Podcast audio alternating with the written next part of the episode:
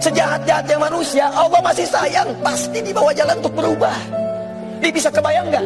Fir'aun yang ngaku Tuhan, hobi bunuh orang, kata-katanya kasar, suka eksekusi, masih diberikan hidayah untuk berubah. Anda bukan Fir'aun. Anda tidak pernah mengaku Tuhan. Anda tidak pernah punya hobi bunuh orang. Kesalahan Anda tidak sebanyak Fir'aun.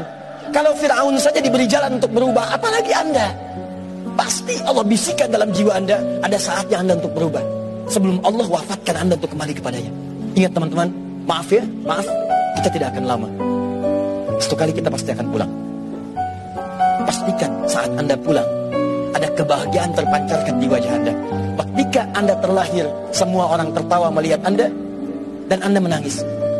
Tapi pastikan ketika Anda wafat nanti pulang kepada Allah, buat orang lain menangis, Anda yang tertawa.